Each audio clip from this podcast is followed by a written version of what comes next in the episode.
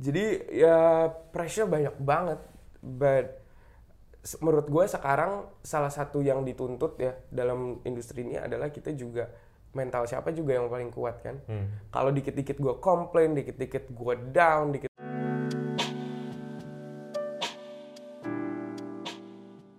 Halo semuanya, kembali lagi di The Felix Martua Series dan sekarang kita berada di Oskai Studio Pantai Indah Kapuk. Di sini aku sudah bersama dengan tidak lain tidak bukan Mark Natama. Apa kabarnya? sehat. Thank you Kak Felix for having me. Iya. Halo teman-teman. Mark Natama yang merupakan jebolan dari Indonesian Idol Special Season baru saja merilis single ketiga dia di bawah Universal Music Indonesia yang bertajuk Salah Baca Pertanda sudah bisa didengar di semua digital streaming platform favorit kalian. Sekarang eh, sebelum kita bahas Salah Baca Pertanda, aku pengen ngajak Mark napak tilas sedikit nggak apa ya? Oke, boleh.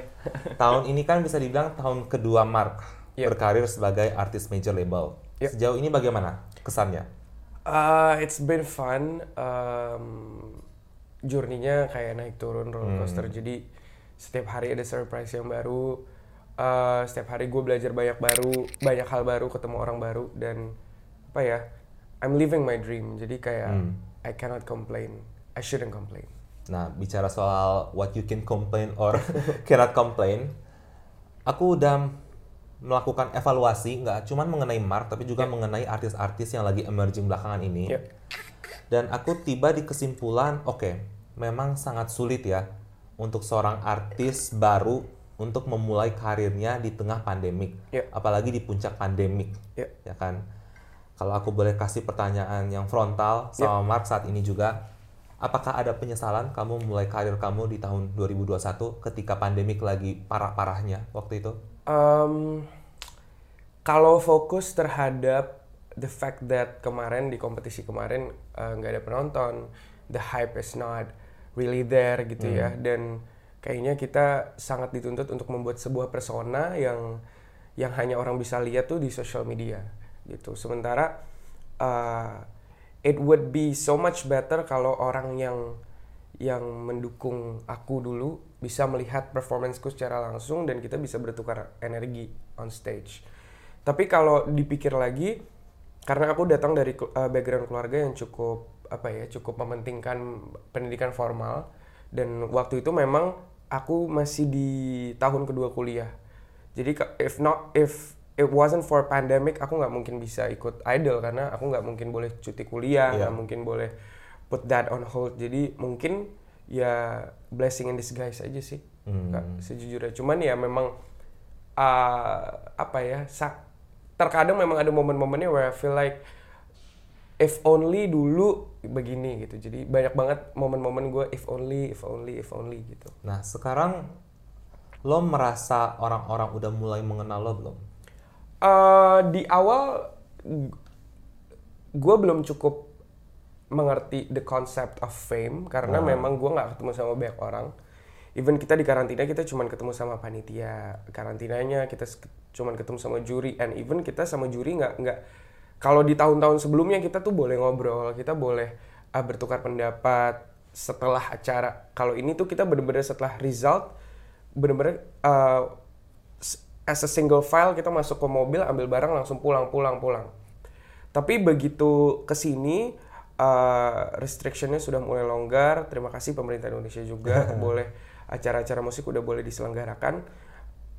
Gue sudah mulai mengerti bagaimana um, penampilan gue itu bisa memotivasi orang untuk datang ke acara itu.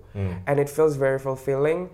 Karena dulu gue ada di sisi mereka. Gue yang uh, ngantri beli tiket uh, udah diskusi beberapa minggu sebelum hari itu sama teman-teman gue, eh kita datang ke acara sini, ada Ran, ada Tulus, ada siapa, and now for people to do that untuk nonton gue, itu rasanya gue sampai sekarang masih kayak emang segitunya ya? Gitu. But then again, uh, ada momen-momennya juga di mana gue manggung orang yang nonton sedikit, jadi um, there are some good days, there are some bad days. Nah, sekarang gua kaitkan dengan lagu terbaru lo, which Yeah. is Salah Baca Pertanda. Ya, Kenapa gue coba kaitkan? Karena setidaknya buat gue, for me personally, lagu ini terasa kayak your proper introduction to the music world. ya, Kayaknya tahun 2021 itu atensi masyarakat masih terpecah belah, ya. ya kan? Dan Exactly. gua punya penilaian kayaknya orang masih belum bener-bener notice siapa itu Mark Natama. Ya, untuk orang yang tidak menonton Idol ya. Untuk orang yang tidak menonton Idol, tapi ketika lo merilis single ini dan melihat antusiasme para netizen dan audiens musik, oh kelihatannya this is his moment. Nah, gue pengen coba ulik sedikit mengenai lagu ini. Ini adalah kali ketiga Ya. lo bekerja sama dengan Lale Ilmanino. Ya. Apakah ada alasan tertentu? Uh, initially kenapa gue pengen begging. Praktik apa gue begging waktu itu untuk bisa ditulisin ke label. Karena pertama gue emang fans berat mereka. Dari Malik dari Ran dan mereka Azel Alamanino. Cuman eh, yang bikin gue jatuh cinta adalah songwriting. Mereka memang gila. Dan gue memang bukan untuk musik Indonesia gue bukan pendengar uh, banyak lagu ballad Indonesia. Gue mendengarkan lagu indie dan lagu Lale Manino. So basically, I grew up listening to their songs. Gue patah hati, gue stres SMA, gue lagi senang gue dengerin lagu mereka. Jadi gue selalu punya satu mimpi itu on the back of my mind. Gue harus punya lagu yang ditulisin sama mereka. Long story short, dikenalin sama label. uh, Jago Cemburu ada, Terluka Menginginkanmu ada, Salah Baca Pertanda pun akhirnya rilis juga. Dan actually Salah Baca Pertanda ini harusnya single pertama gue. Oh, oke. Jadi- Itu menarik tuh, menarik tuh. Jadi on that workshop day uh, kita mengerjakan lima lagu. Salah baca pertanda ini tadinya setelah demonya jadi ini di di di line up-nya di di schedule-nya ini menjadi single pertama yang rilis. Tapi setelah gue pulang dari situ, gue dengerin semua lagunya, gue merasa identity gue captured beautifully dan dan fully di Jago Cemburu. Jadi akhirnya bukan gue bilang lagunya ada yang lebih bagus dari yang lain, cuman gue merasa Jago Cemburu ini untuk uh, gue gebrakan pertama sebagai Mark Tama untuk lepas dari cangkang kompetisi kemarin dan semua apa ya stigma yang mungkin teman-teman udah nonton lewat nonton kompetisi itu untuk menunjukkan ini nih gue original uh, adalah Jago Cemburu. gitu. Nah, ini yang bikin gua langsung eh, memutar kepala ya Ya, ketika gua pertama kali dengar lagu Salah Baca Pertanda ini. Gua suka dengan aura nostalgia yang dipancarkan lagu ini, which is seolah-olah lo membawa kembali musik band, Ya, ya, ya kan? Lo membawa kembali drum ala band pop ya, ya. zaman 2000-an awal 2010-an, Hmm. which is sesuatu yang menurut gua fresh gitu, meskipun nostalgic but at the same time fresh. Gua Untuk penasaran, sekarang jadi fresh Untuk ya. sekarang malah jadi fresh. Nah, pertanyaan gua adalah ketika lo tektokan sama Lale Ilmanino, apa yang lo contribute, ide-ide apa yang lo kasih sehingga akhirnya lo sampai di final product ini? Uh, jadi proses workshop sama mereka itu very organic. And either mereka sudah punya lagu atau mereka start from scratch. Dan biasanya kalau start from scratch itu mereka tanya, gue pengen menyampaikan apa sih di lagu ini? Cerita yang gue punya apa? And that's what happened with Jago Cemburu dan Terluka Menginginkanmu dua-duanya based on my personal story. Tapi untuk salah baca pertanda memang mereka udah punya istilahnya draftnya lah lagunya. Waktu itu gue didengerin pakai gitar dan gue langsung suka Uh, terus mereka juga tanya, uh, lo pengen identify sebagai musisi yang musiknya kayak apa? Gua kasih tau lah inspo-inspo gua. Rata-rata memang black black music gitu ya dari luar. Uh, tapi gue juga kasih tahu inspo- uh, lagu-lagu favorit gue dari mereka. Jadi mereka tahulah gambarannya gue pengen ke arah mana. Long story short, kita rekaman uh, dan jadi kan kita harus ada antrian ya, apalagi uh, label gua rame banget artisnya, jadi antriannya cukup panjang. Uh, dan dan waktu kita decide, waktu salah baca pertanda ini udah dapet tanggal, oke fix kita rilis tanggal segini, uh, baru uh, kita rekaman music video dan lain-lain, dan musiknya juga banyak mengalami revisi. Dan kalau music wise, gua memang cukup uh, percaya banget sama kakak-kakak lama ini because sometimes they know better than me untuk gua. Mereka memang sudah punya jam terbang yang tinggi, tapi terkadang gue merasa kayak kayak gue lebih mengerti gue deh daripada orang lain. Tapi untuk music wise mereka tuh jauh lebih mengerti gue sebenarnya daripada gue mengerti diri gue sendiri. Sometimes. Jadi uh, banyak banget revisinya, hampir-hampir 6, kali revisi musik dan mixing masteringan. Akhirnya adalah salah baca pertanda yang sekarang. Jadi input gua sejauh ini hanya di kisah-kisah lagu dan memang arah musiknya mau ke mana. Tapi setelah itu I fully trust them gitu. Hmm, Oke, ini satu hal yang bikin gua penasaran ya. Lo ngeluarin lagu upbeat Ya, di lanskap musik Indonesia yang sekarang ini masih lebih reseptif sama lagu-lagu down tempo atau lagu-lagu ballad. Bahkan belakangan ini lagu-lagu yang dari segi lirik terkesan riang Yep. dibikin mid tempo. Ya. Nggak berani dibikin up tempo Yep. atau dibikin uh, lebih ceria atau lebih pumping. Hmm. Dan melihat diskografi lo sejauh ini kelihatannya lo rasa ballad lebih diterima Iya. daripada lo rasa upbeat. Jadi kenapa tuh single ketiga ini lo memutuskan untuk mengeluarkan sesuatu yang upbeat?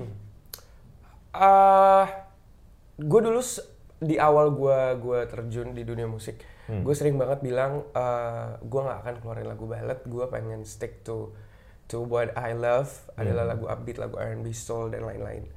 Cuman eh manusia itu kan makhluk yang dinamis ya, dan terkadang keinginan gue juga berubah-ubah.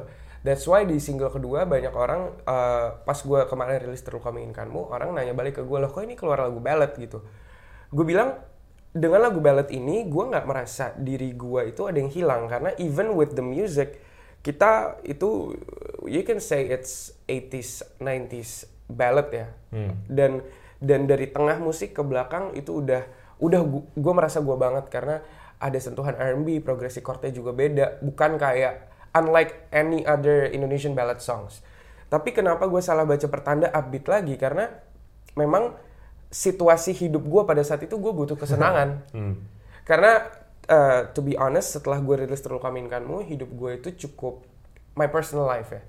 Uh, cukup terpuruk. Gue lagi ada di momen-momen gue zero banget. Kayak Iyalah. gue hilang arah gue lagi jauh dari keluarga dan uh, gue banyak dapat serangan dari dari uh, warganet. Jadi uh, waktu single ketiga memang sudah dijadwalkan salah baca pertanda dan I think uh, itu memang takdirnya Tuhan untuk salah baca pertanda ini rilis di bulan ke- di bulan Juli kemarin karena gue lagi butuh a fresh air in my in my system gitu. Dan menurut gue dengan salah baca pertanda ini banyak rezeki baru terbuka uh, gue menjadi lebih hidup gue lebih light dan gue lebih happy I'm not saying terluka minkanmu membawa gue banyak kesedihan. Terluka minkanmu juga ba- banyak bawa gue rezeki. Cuman karena momen itu gue salah baca pertanda ini datang ke gue kayak menyegarkan gue juga gitu. Hmm, Oke, ini gua mau belak-belakan lagi ya sama lo Ya, ya. boleh. Dan juga buat eh, teman-teman di luar sana yang menonton interview ini. Gua secara pribadi jauh lebih suka Jago Cemburu Ya. daripada Terluka Menginginkanmu. Ya. Gua suka productionnya dan gua juga bisa relate dengan liriknya. Jadi menurut gua lagu ini sangat relatable. Apalagi buat cowok-cowok, ya kan? Dan gua juga suka dengan inovasi yang berusaha lo tunjukkan dan let's face it lah, di major label nggak selalu lo punya kesempatan untuk berinovasi dan unjuk gigi and showing off your personality. Ya. Dan saat lagu ini keluar, gue merasa wah personality lo ini terpancar. Ya. Tapi at the same time, gue merasa lagu ini menjadi tanda kutip korban timing. Ya, underwhelm ya. Iya dan gue merasa lagu ini it should have been bigger than it is right now. Nah, menurut lo what's going on? Eh, menurut gue banyak faktor sih kak dan dan I- gue nggak tahu for certain yang mana yang paling berperan besar. Cuman kalau gue boleh mention eh, beberapa, pertama karena gue terlahir dari kompetisi bernyanyi, Mhm. di mana orang-orang yang mengikuti gue itu fell in love with me with because of my singing, with my voice. Iya. Dan dari April gue beres kompetisi itu sampai gue rilis Jago Cemburu di Oktober. Itu kan berarti ada Mei, Juni, Juli, Agustus, September, Oktober, 6 bulan. Iya. Di 6 bulan itu gue gak keluar apa-apa kan. Gue gak punya karya.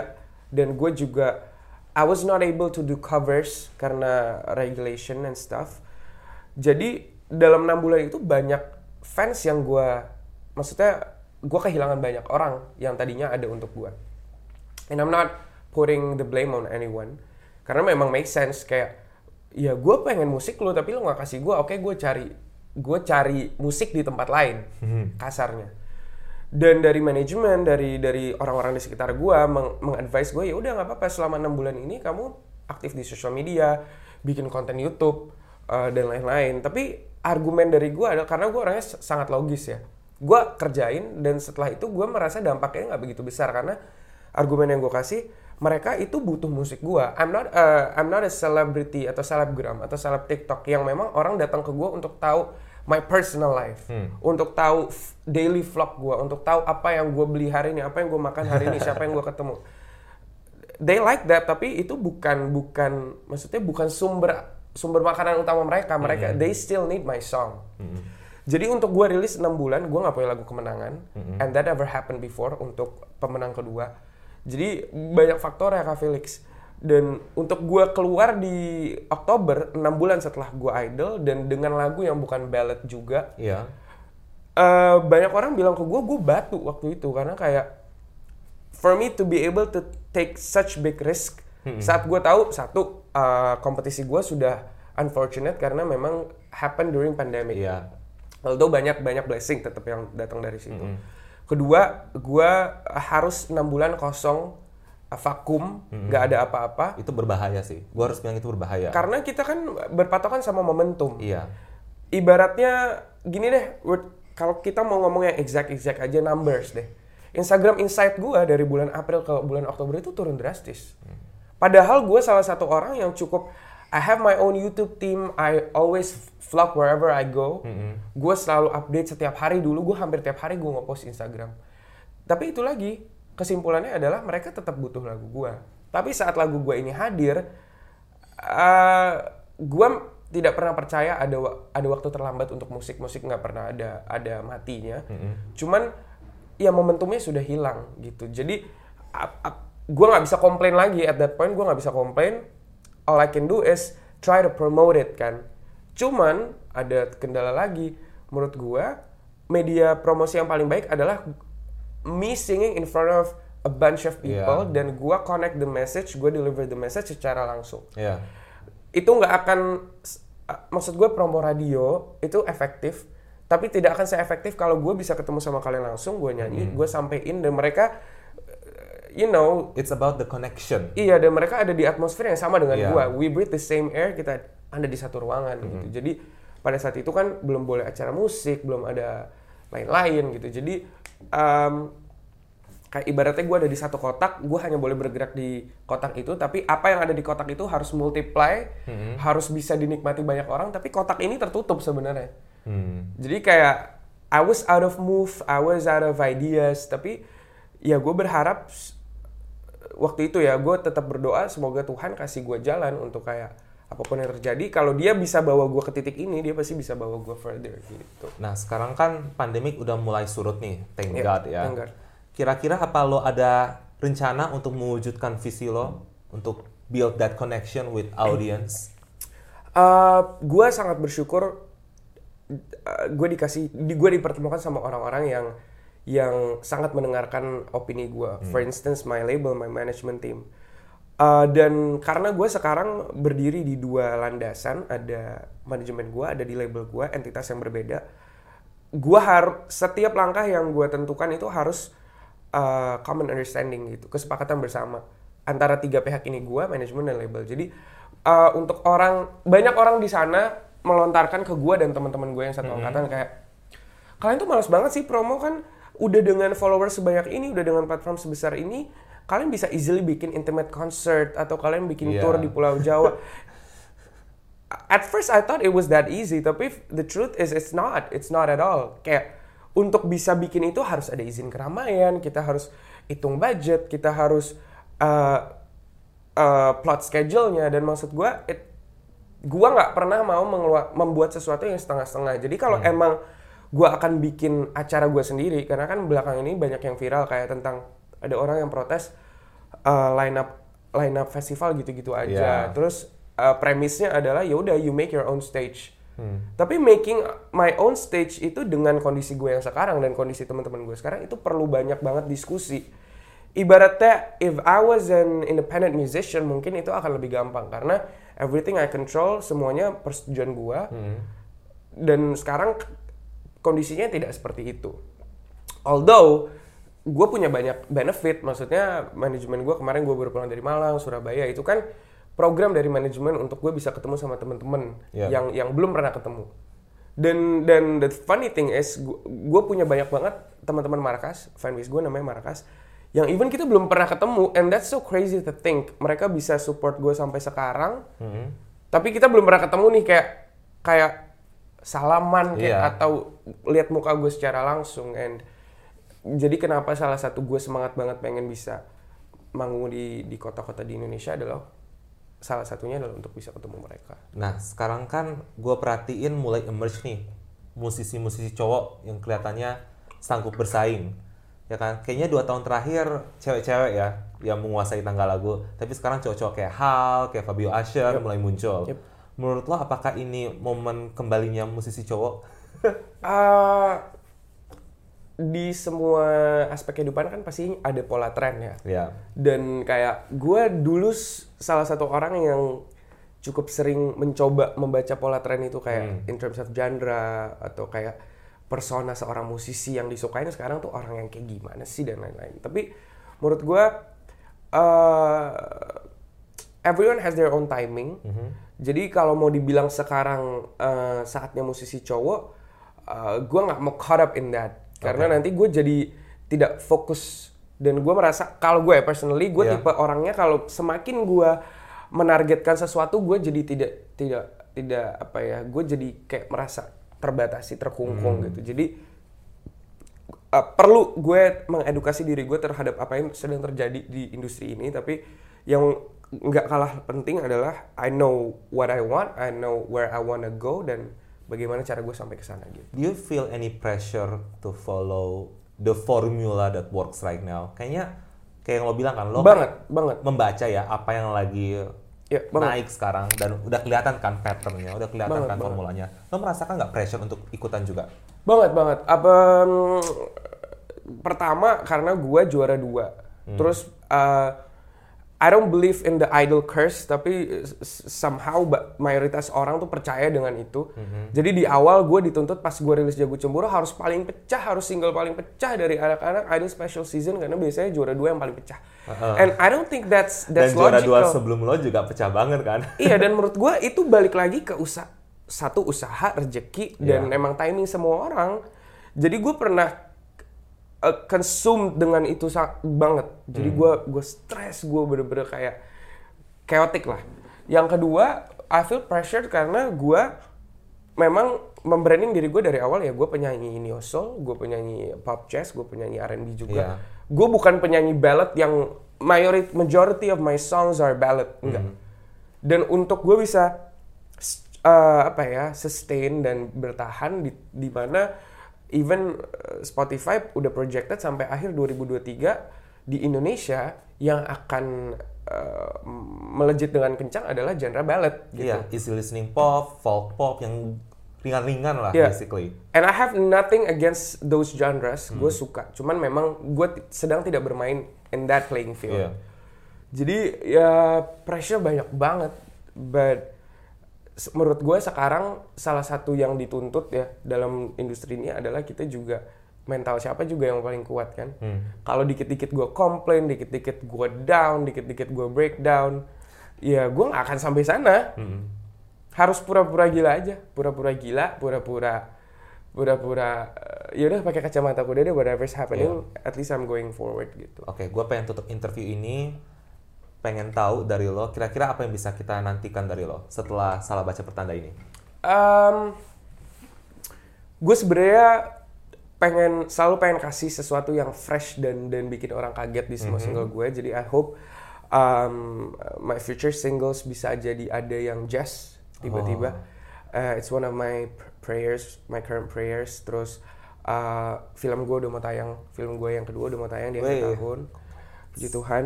And apa ya? I hope uh, singkatnya teman-teman bisa bisa semakin cinta dengan musik gua dan orang-orang baru bisa datang mendengarkan musik gua dan dan uh, notice me gitu dan dan bisa tahu Iya. oh Mark gue sangat gue sudah cukup happy saat orang tahu misalnya ditanya lu tahu nggak lagunya Mark tuh yang kayak apa mereka bisa describe seperti musik gua jadi gue identif uh, apa ya identity gue tuh sudah cukup kuat. Itu itu sih target gue sekarang. Jadi misalnya let's say kita tahu uh, misal orang nanya gue Rizky Febian lagunya kayak apa? Gue gue bisa menjelaskan. Iya. Mahal ini lagunya kayak apa? Liodra lagunya kayak apa? Em, Bruno Mars lagunya kayak apa? Andin lagunya kayak apa? Gue bisa jawab. Target gue adalah orang bisa jawab saat ditanya mereka Tama tuh lagunya kayak apa? Mereka nggak bingung gitu jadi uh, itu salah satu tar- target besar gue sekarang Dan gue harap target itu tercapai. amin amin amin Oke Mark, terima kasih banyak thank you kak udah menyempatkan waktu untuk ngobrol sama gua. Teman-teman please check out Salah Baca Pertanda. Tapi permintaan pribadi dari gua, tolong kan revisit juga Jago Cemburu. thank you Ya, it's not too late. Oke. it's not too late to join the movement Ya, it's not too late to join the movement. Lagu Jago Cemburu itu keren banget. I think you guys should revisit that song. Mark, I wish you the best. Thank you, Kak Felix. And Sehat-sehat I'll see you terus. later, oke? oke